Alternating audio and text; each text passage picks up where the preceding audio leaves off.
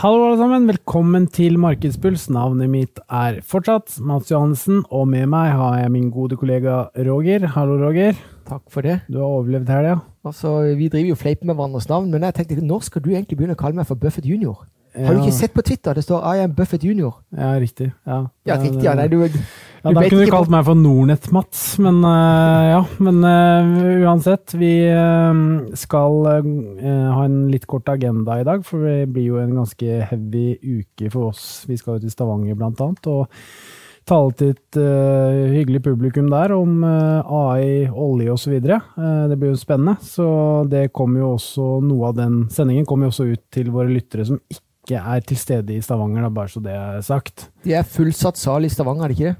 Jo, de sier så. Jo. Det så det er vår, vår kunde i Stavanger. De har noe å glede seg til, forhåpentligvis. Ja, det håper jeg òg.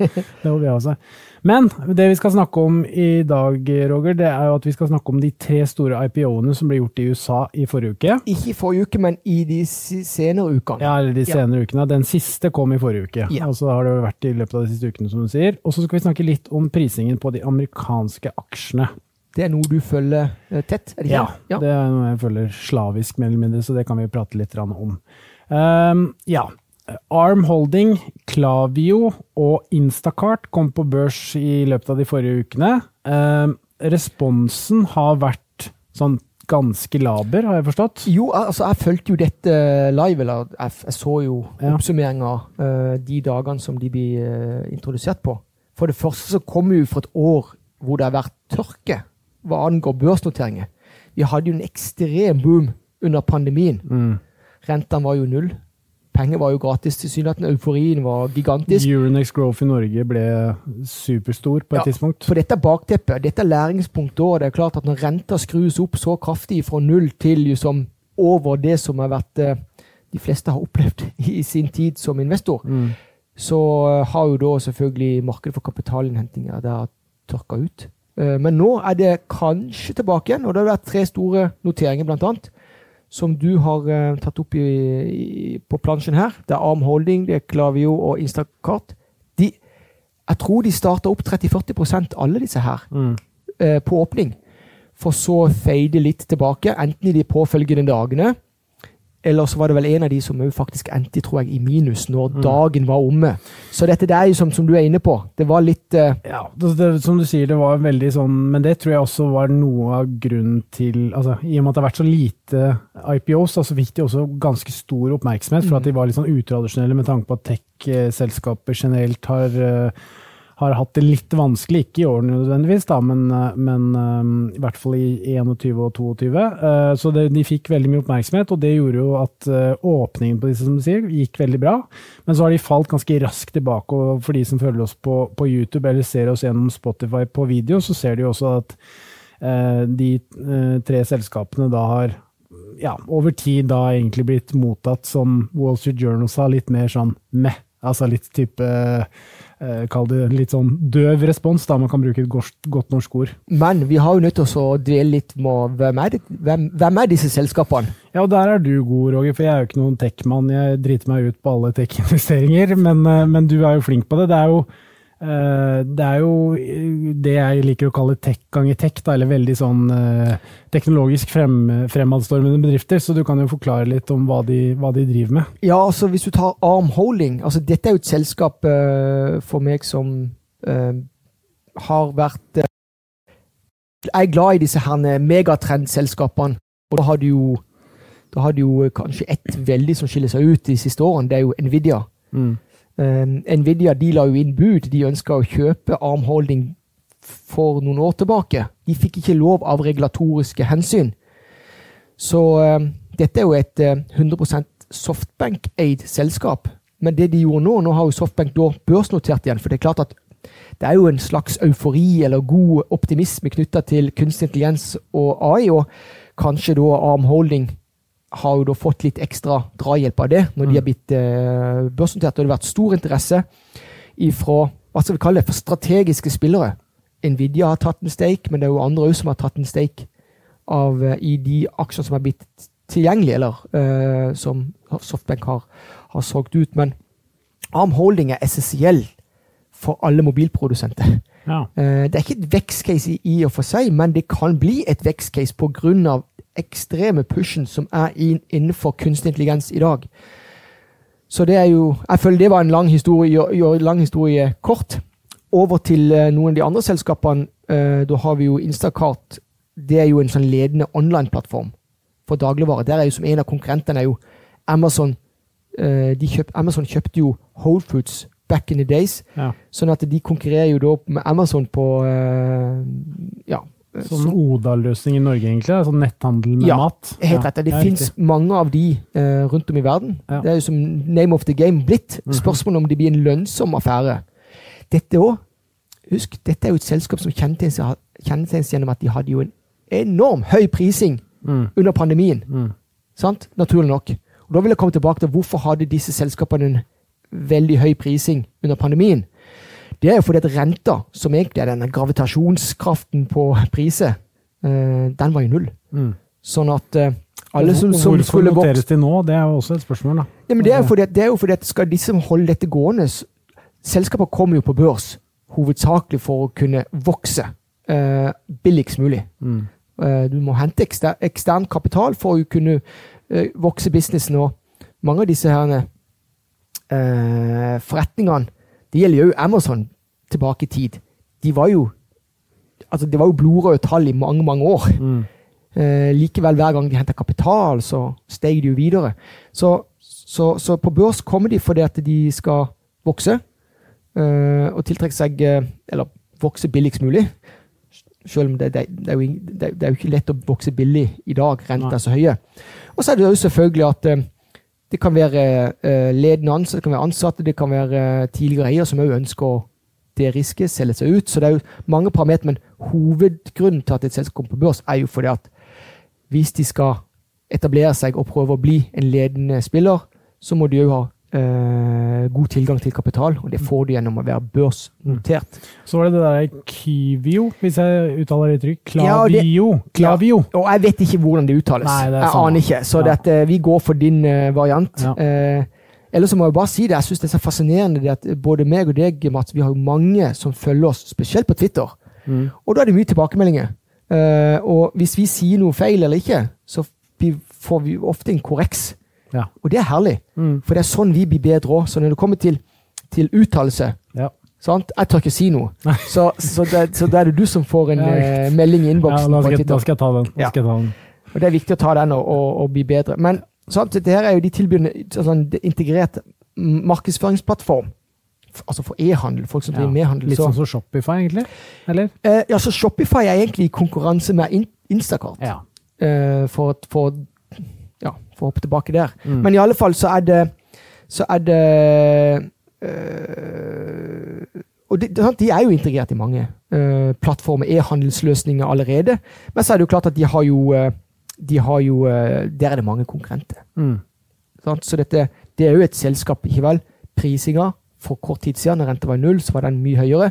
Når de kommer på børs nå, så er det jo fordi selvfølgelig selskapet trenger hovedsakelig penger. Mm. Og har du ambisjoner for å, for å vokse og bli større, så må du på børs. Mm. Vi har jo noen andre eksempler som vi kan bare eh, trekke opp. Det var jo Kahoot. Ja. Eh, Uff, ja. ja, nettopp Kahoot, men de, har jo, de, de er jo i en prosess hvor de kanskje blir kjøpt og tatt av børs, er det ikke så? Jo. Men da er det jo eh, Ja, og da er det klart at hvis du tar et selskap som først har kommet på børs, og så har de ikke lyktes i den grad som de kanskje ønsker, eh, da er det gjerne andre spillere som kan komme inn og se på vet du hva, kan, kan, kan vi gjøre en turnaround dette, kan vi, kan vi ta det av børs, eh, endre fokus. Uh, for det må huske på, det, det er en kostnad å være på børs. Ja, uh, og da kan det ofte være mange tid lurt å få ting raskere til og enklere til med å ikke være børsnotert. Og at de eies da av veldig, veldig proffe eiere. Mm. Men da er det gjerne eiere som ikke har sånn veldig lang horisont. Det vi kaller for private equity-selskapet, som kanskje tenker fem-seks år fram i tid. Hvis vi gjør det og det og det, så kan vi kanskje få ut mer verdi enn enn, eh, det som er synliggjort i dag, da, Mm. vel å merke. Det det, så det er det som alltid blir balansen. at Når det kommer et sånt et oppkjøp hm, ah, Vet du hva? Det er tydeligvis noen som ser verdi i dette. Hvorfor tar de ja? Skal jeg, god, skal jeg godta Mm. Skal jeg godta den prisen? Eh, hva er alternativet hvis de ikke godtar det? Kommer prisen ned igjen? da? Så det. I, så, så, det er jo en liten sånn generell issue, da. Absolutt. I tilfelle Kahoot så vil jeg jo tro at de som skal gjøre dette, her, det er jo et sånn konsortium eh, ledet av Goldman Sachs og en del ledende ansatte fra Kahoot som skal være med videre. Tipper jeg de tar det av, eh, jobber med det kanskje ett til to år, og så lister de det på New York-børsen for mye høyere prising enn hva de fikk i Norge, da. Det hørtes raskt ut i så fall. Ja, ja superraskt. Eh, ja, det, altså, det, er vanskelig men å si, selvfølgelig, men, men, jeg vil tro da at dette konsortiumet har planer om å liste det i New York, der teknologi er mye mer prisgitt, og man kan få mye mer betalt for aksjene sine enn, enn hva du vil få i Norge, da, som fortsatt er en sånn råvarebørs og, og vanskelig for utlendinger å, å ta tak i. Men en skal ha respekt for prising av markedet generelt. altså det er sånn som Uh, Og det, det, gjelder ikke bare Kahoot, men det gjelder mange selskaper som ikke har fått det til. Men hovedgrunnen kanskje til at de ikke har fått det til, er det at klimatet eller omgivelsene, det makroøkonomiske og, og det, det, er mye verre når rentene er så høye som de er. Ja, og da er spørsmålet kommer renta ned, Mats? Det vet vi ikke.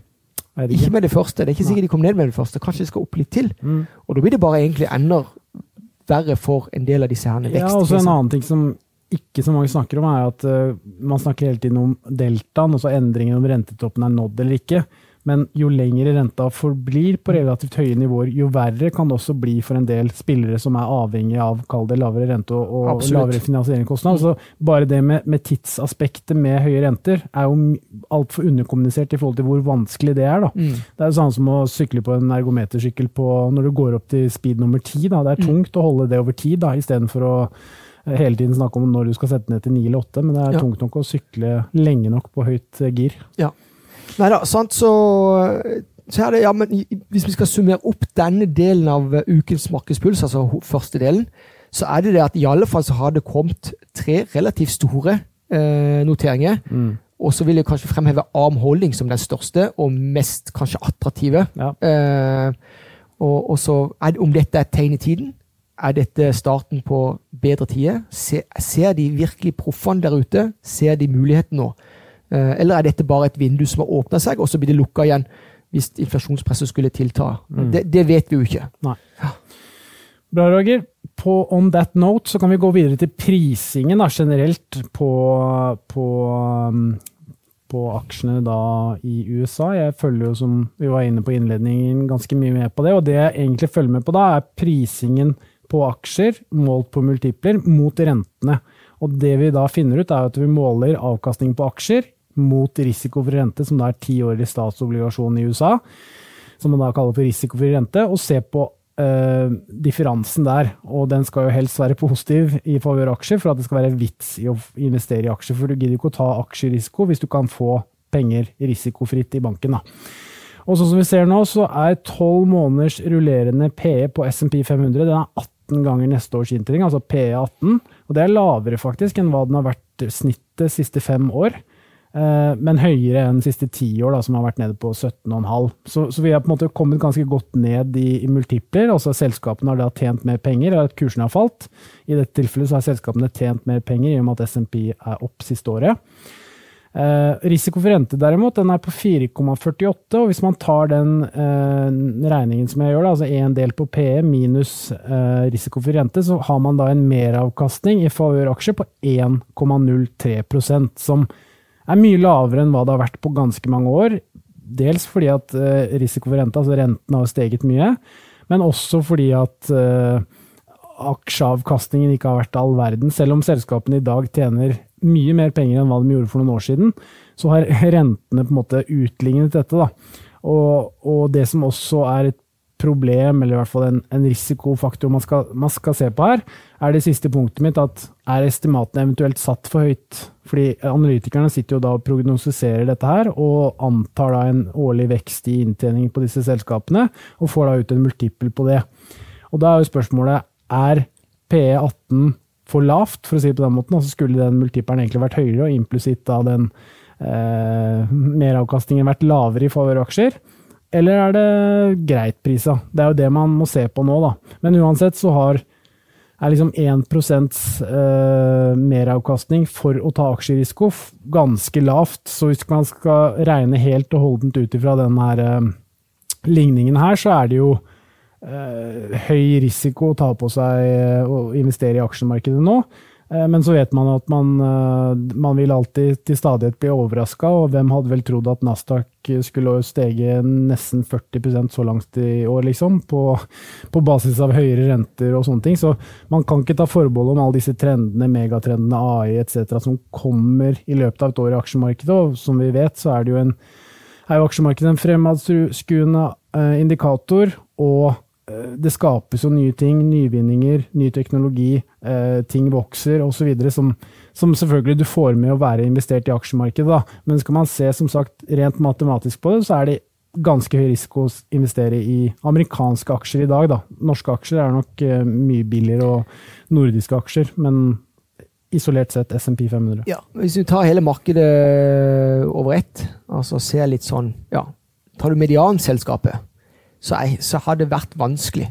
Mm. Men vi har jo et begrep som har blitt uh, ja, som blitt konstruert i det siste, som heter The Magnificent Seven. er det ikke mm. det?